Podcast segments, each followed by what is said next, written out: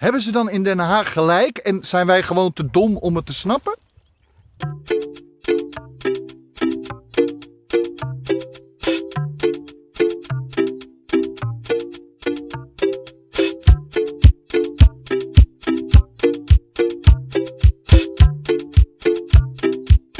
Een hele goede morgen en welkom bij deze nieuwe aflevering van de podcast De Ochtendwandeling. Mijn naam is Bastiaan Toornent, ik ben theatermaker, acteur, podcaster en een kleine uh, opiniemaker. En uh, net als iedere morgen loop ik weer door de Zandvoortse duinen met mijn drie trouwe viervoetertjes, Naila, Dexter en Masha. En terwijl ik dat doe, bespreek ik met u diverse politieke en maatschappelijke onderwerpen. Nou kunt u deze podcast vinden op Spotify, iTunes, Apple Podcasts, Stitcher en Google Podcast. Uh, er zijn ook nog wat extra podcastplatformen. Tevens kunt u de video's van de podcast vinden op uh, ons YouTube-kanaal Bastiaan Torenent en ons Facebookpagina van Bastiaan Torenent, de fanpage. Volg ons en abonneer u daarop. Of abonneer u natuurlijk op de podcastplatformen. Laat een recensie achter zodat andere mensen ons kunnen vinden. En wilt u nou alles bij elkaar, zowel de video als informatie als uh, de audiofragmenten van deze podcast? Kijk dan even op onze website www.torenent.nl. Goed, waar gaan we het vandaag over hebben? Nou, we gaan het hebben over dat ik het niet meer begrijp. En niet alleen ik niet meer, maar met mij zijn er een hoop mensen die het allemaal niet meer echt begrijpen. Want als je terug gaat kijken naar zeker de afgelopen weken met hele formatieperikelen en uh, de motie van afkeuring naar uh, Mark Rutte, maar ook naar uh, het coronabeleid of het vaccinatiebeleid of nou ja, in zijn algemeenheid, dan valt het ook niet meer te begrijpen. En hoe kom ik nou op dit onderwerp? Nou, op een heel simpel feit. Ik heb me nogal lopen irriteren aan de persconferentie. Nou, eh, mensen die gisteren de aflevering hebben, die hebben dat ook wel even gehoord. Maar waarom heb ik me lopen irriteren aan de persconferentie?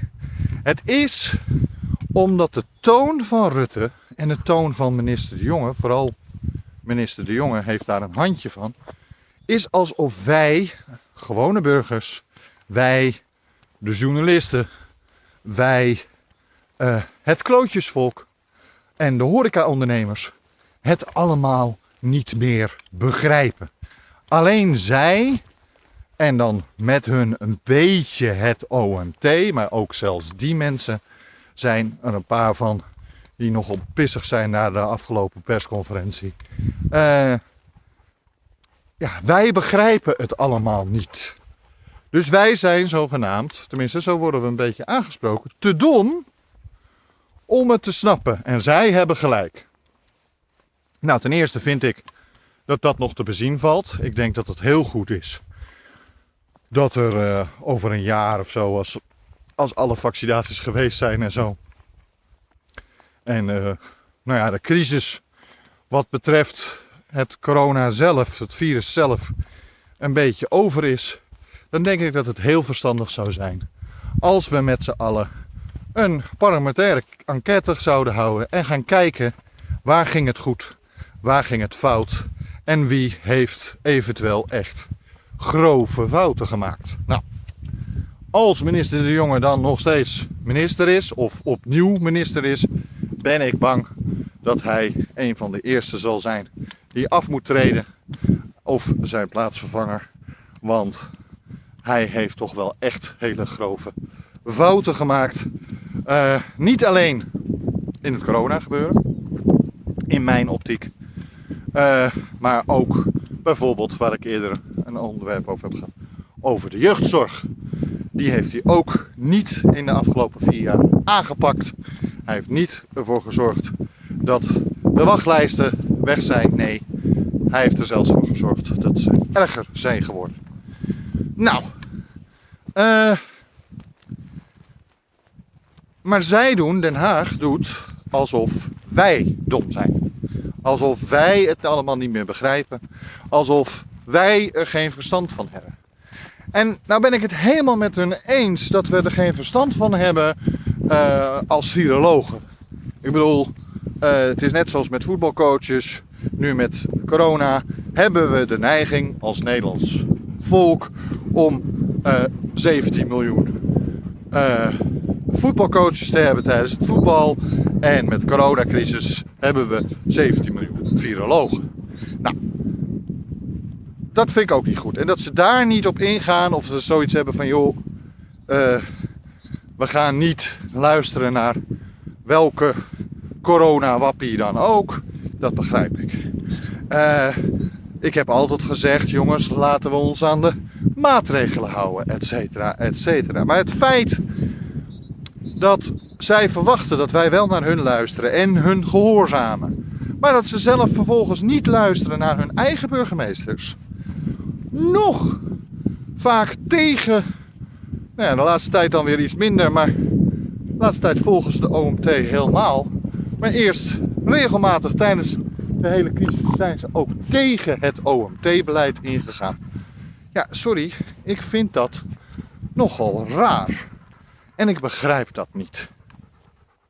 En dat u het niet begrijpt, is logisch. Nou, dat is het eerste punt, corona. Het feit dat we zo laat testen. We zijn nu een, meer dan een jaar verder sinds corona. En nog steeds, kijk, de gewone teststraten die zijn prima in orde, maar de sneltesten zijn er niet. Of weinig. We hebben nog steeds geen soort deurbeleid bij scholen of bij hogere scholen of wat dan ook. Dat komt nu voor het eerst. We zijn verdomme meer dan een jaar verder. Uh, ik vind dat raar. Waarom moet dat zo lang duren? Uh, ik begrijp dat niet. En als ze dan zeggen, ja, moeilijk fabrikage, het moet goedgekeurd zijn, et cetera. Maar die testen die waren er in de zomer al, die sneltesten.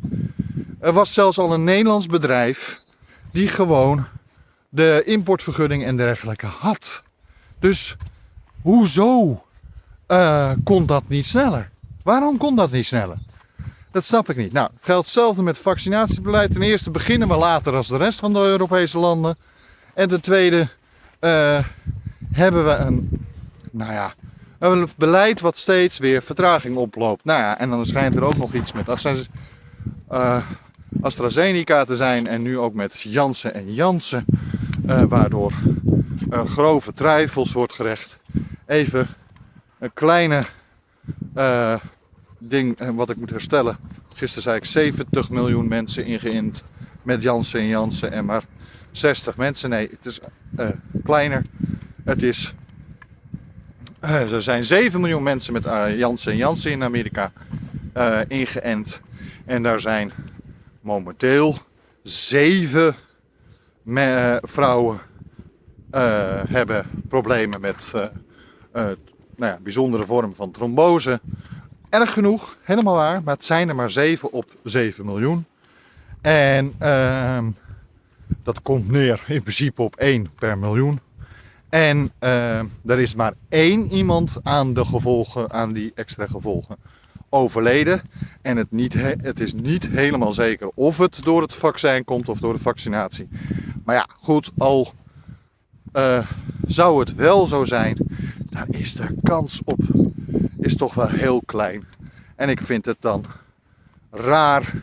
Uh, bij AstraZeneca zijn de kansen iets groter, maar ook daar, joh, laat mensen zelf de keuze hebben. Goed, daar is nu wel een debat over, dus dat van, ik begrijp niet dat minister De Jonge zo bang is, geen risico's durft te nemen. En ook, uh, nou ja, het lijkt erop alsof hij niet alles vertelt. Hij neemt wel zo'n grote beslissing. Uh, stoppen met het AstraZeneca. Uh, en dan uiteindelijk wel door, maar dan alleen voor mensen boven de 60. En dan. En vervolgens. Moeten wij denken dat die kans waar hij het over heeft en, en, en waar, waar de wetenschappers het over hebben, dat die kans inderdaad nog steeds zo klein is.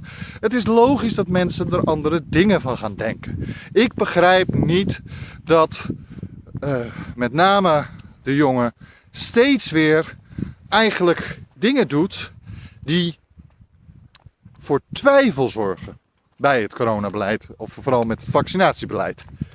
Goed, dat geldt ook dus voor het coronabeleid, dat er niet geluisterd wordt naar de ondernemers, maar ook niet naar de burgemeesters.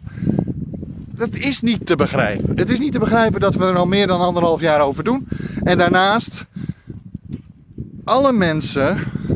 Uh, we begrijpen dit soort pandemie niet. Ja, we begrijpen het wel, zover het ons uitgelegd is. Maar in feite is het voor ons uh, tenminste dat zei een psycholoog, die had daar een studie van gemaakt. Dit soort grote gebeurtenissen zijn vaak moeilijk te bevatten voor ons brein, hoe hoog opgeleid we ook zijn. Uh, en het probleem is dat we dus dan ook de gevolgen niet over kunnen zien.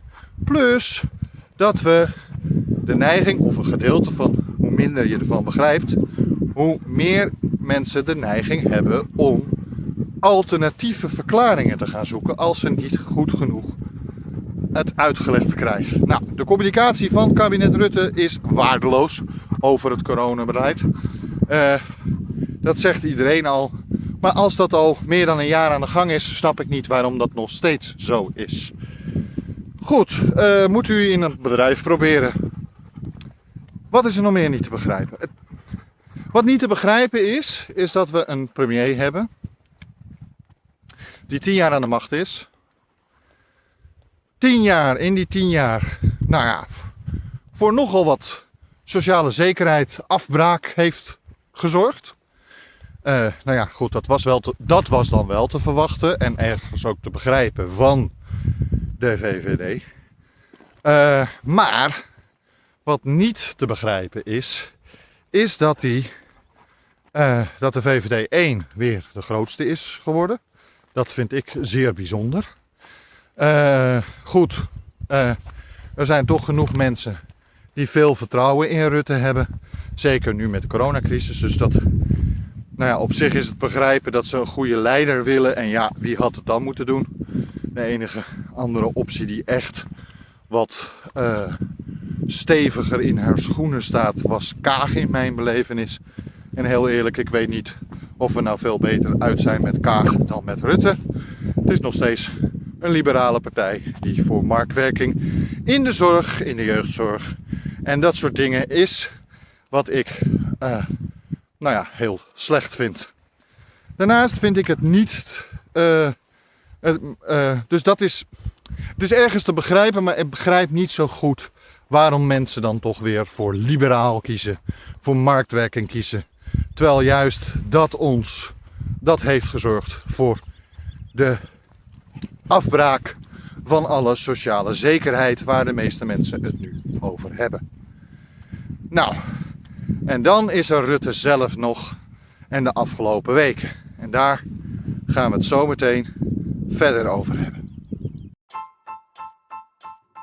Hallo, mijn naam is Bastiaan Toornent en dit is Uit de Schulden, de weg van de meeste weerstand. In deze verhalende podcast vertel ik over hoe ik uit de problematische schulden wist te komen, ondanks de vele vooroordelen, onbegrijpelijke bureaucratische processen en het misdadige overheidsbeleid waar ik tegenaan liep. De podcast en het achterliggende project moeten verandering bewerkstelligen in de vele problemen waar mensen in de schulden tegenaan lopen. U kunt zich abonneren op deze podcast via Spotify, iTunes, Google Podcast en vele andere podcastplatformen. Ik wens u alvast heel veel luisterplezier.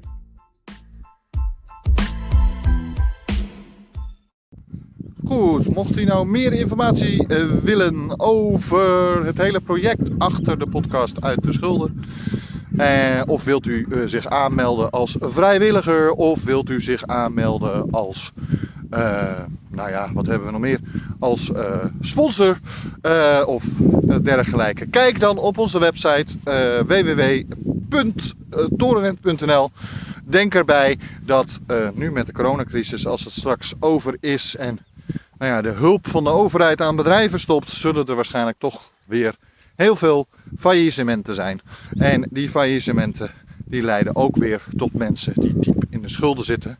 En wij willen proberen om zowel de overheid uh, te stimuleren om de zaken te veranderen, als de, ervoor te zorgen dat mensen met die diep in de schulden zitten en dus ook altijd met die stress uh, gepaard gaan, uh, dat die meer psychische hulp ook krijgen en ondersteuning. Nou, kijk dus op onze website voor alle tips en tricks, uh, sponsoring. En dan kunt u ook vriend van de show worden uh, door een donatie te doen. Goed, gaan we verder met Rutte. Want Rutte heeft uh, niets voor niets de bijnaam gekregen: Teflon Rutte. Want er zijn nogal wat beleidsdingen die ingevoerd zijn onder hem. Met soms hele vage ja, redenen. Bijvoorbeeld de dividendbelasting. Nou, die is uiteindelijk dan gelukkig niet doorgegaan. De afschaffing daarvan. Maar de reden waarom het ooit in het regeerakkoord is gekomen is nooit helemaal duidelijk geworden. Ja, uh, de VVD wilde het opeens. En het was van essentieel belang opeens. Uh, voor de VVD, terwijl het niet in hun verkiezingsprogramma stond. Nou, en hij wist uh, hoe dat nou er precies ingekomen is. Daar wist Rutte zich niets van te herinneren. Nou, dat is een van de eerste keren. Nou ja, dat is niet een van de eerste keren, maar dat is wel een van de meest recente keren geweest dat de het herinnering van Rutte zich in de steek liet. Hij is er niet door gevallen, het vertrouwen is er niet in hem opgezegd. Er was wel een motie van afkeuring en er is zelfs toen die tijd ook een motie van wantrouwen geweest vanuit de oppositie. Maar ja, die werd natuurlijk niet gesteund door de andere coalitiepartners, waardoor Rutte absoluut geen gevaar liep. Uh, daarnaast was er natuurlijk ook nog, uh, hoe heet het, uh, de SGP, maar die steunt eigenlijk nooit de motie van wantrouwen. kom ik zo op terug. Vervolgens is er ook, nou ja, alle protesten vanuit de boeren, vanuit de docenten, vanuit de zorg. Grote protesten, grote uh, onrecht is er aangedaan aan hen. En nog steeds geen salarisverhoging. En toch kost het hem niet zijn kop. Uh, de, hoe heet het?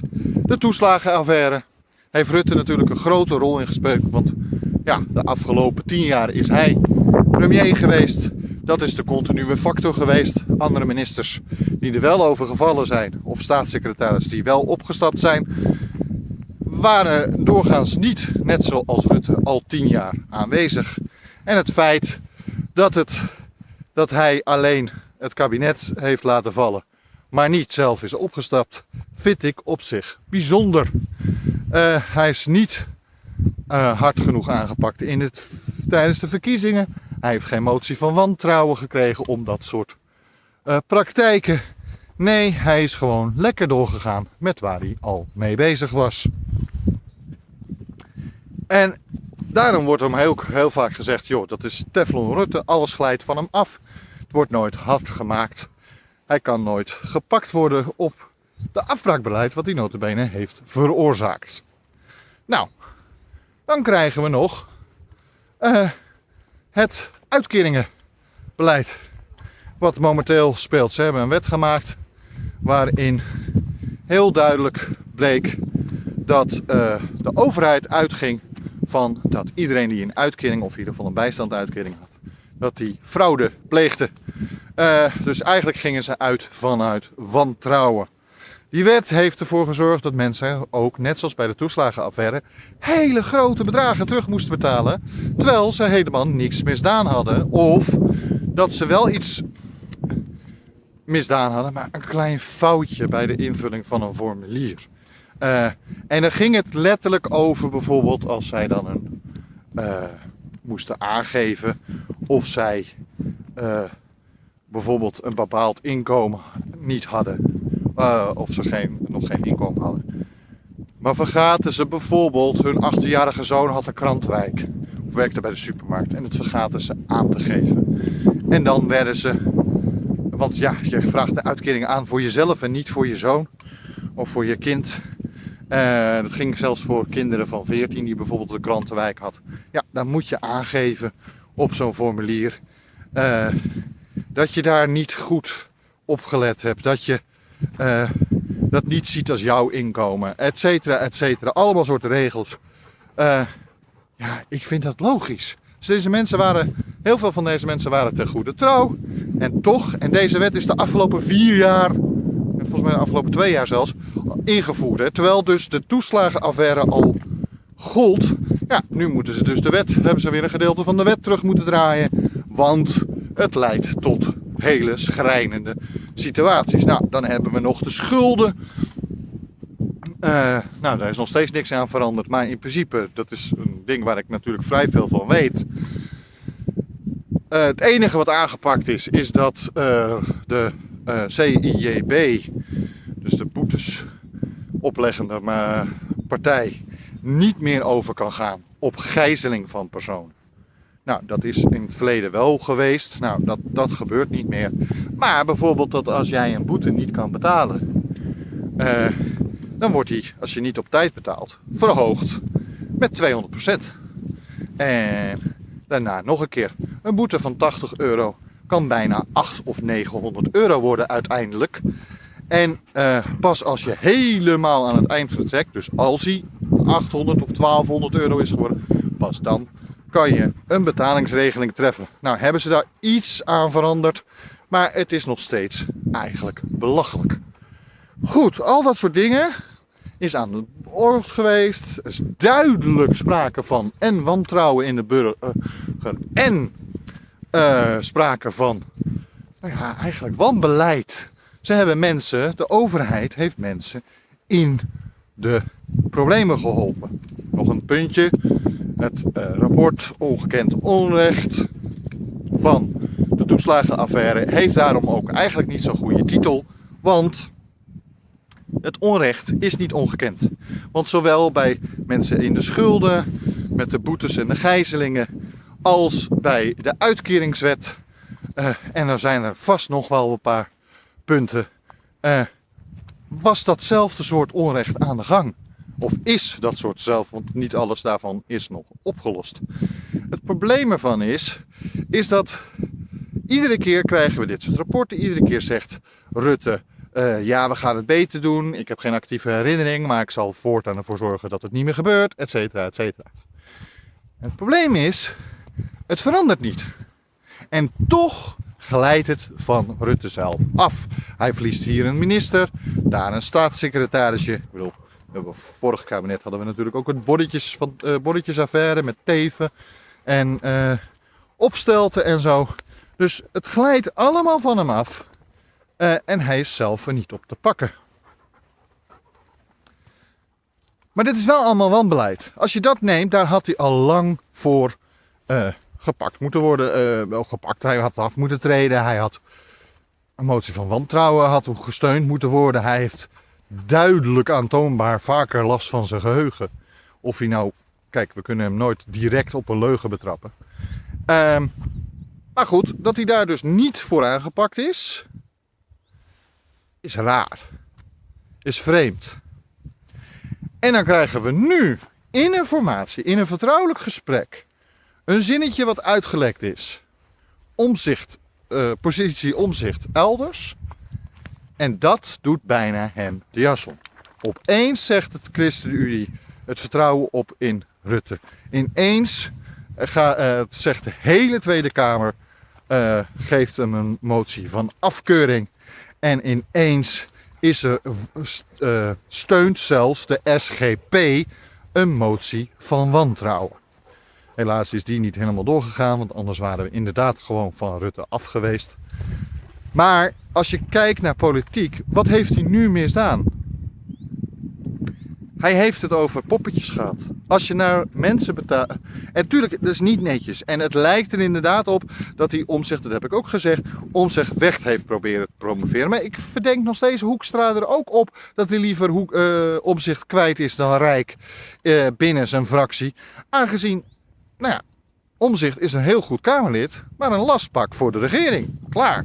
Dus ja, ik denk dat Hoekstra soms ook wel eens heeft gehad van, nou ja, als ik hem minister kan maken of een mooie post ergens kan geven, nou, graag. Ehm, goed. Dus op zich is het geen gekke gedachte dat we dat soort uh, zaken, dat, dat dat soort dingen gebeuren. Maar, maar, uh, dat, tenminste dat hij erop aangevallen wordt. Maar het feit dat hij nu wel dus een motie van afkeuring breed gesteund door de hele Kamer, behalve de VVD. Terwijl hij dat bij al die andere zaken nooit heeft gehad. Nooit breed gesteund geweest. Dus nooit uh, uh, vertrouwen in hem opgezegd. Hoezo? Ik bedoel, nu was het een simpel. nou ja, noem het een gedrachtenstroom. Noem het een eerste optie. bij de verkenners. Het is nog niet eens vastgelegd. Het is nog niet, ja, het vastgelegd door een ambtenaar, maar in principe niet als regel. Het is nog niet duidelijk. De posities zijn allemaal nog niet duidelijk. En nu, nu valt Rutte bijna. Nou, dat begrijp ik niet. Ik bedoel, ik ben heel graag af van Rutte hoor. En als dit nu echt zou betekenen dat hij werkelijk niet meer door zou regeren. Wat ik niet verwacht. Ik verwacht gewoon weer dat er een soort sorry-campagne is. En uh, ze gunnen D66 wat zoals het Kamervoorzitterschap. Uh, en ze gunnen, uh, hoe heet het, de CDA straks wat. En dan zijn we gewoon klaar. Dan komt Rutte weer als premier te zitten. En dan gaan we weer vier jaar op dezelfde voet verder. Dus kunnen we weer dit soort dingen verwachten. Daarnaast komen er drie, drie parlementaire enquêtes achter. En dan zullen we weer hebben dat hij geen actieve herinnering heeft en uh, nou ja, dat hij waarschijnlijk gewoon weer blijft zitten. En dat begrijp ik niet. Pak hem aan op zijn afbraakbeleid. Pak hem aan op dingen die hij niet goed doet. Maar niet op een simpel leugentje over omzicht. Ik bedoel, ik ben hem liever kwijt dan rijk, maar toch. Pak hem aan daar waar het hoort. Want dan wordt er ook duidelijk welke partij wie dat gedaan heeft. En nu is het iedere keer zo dat hij daar niet voor aangepakt wordt, daar niet de verantwoordelijkheid voor draagt, terwijl anderen dat eventueel wel doen. Het geleidt van hem af. En nou ja, dat u het niet meer begrijpt, dat ik het niet meer begrijp, is niet zo gek. Dus Den Haag, jullie kunnen doen alsof, wij te, alsof jullie gelijk hebben. En dat wij te dom zijn. Maar sorry, volgens mij bent u degene die dom bezig is. Want het vertrouwen in de politiek krijgt u niet terug, krijgen mensen niet terug, als ze steeds maar dit soort praktijken, en dat geldt ook voor de oppositie, niet meer begrijpen. Het niet te begrijpen is. Het staat niet in verhouding met elkaar. Wees eerlijk, zorg ervoor dat de verhoudingen goed zijn en pak mensen aan daar. Of het nou iemand van je eigen partij is of niet, daar waar ze echte fouten maken. Goed, dat was vandaag mijn uh, bijdrage. Uh, u kunt natuurlijk deze podcast vinden op Spotify, iTunes, Google Podcast, Apple Podcast. Kijk ook op onze website www.torenent.nl. En uh, ja, dan groet ik u tot morgen.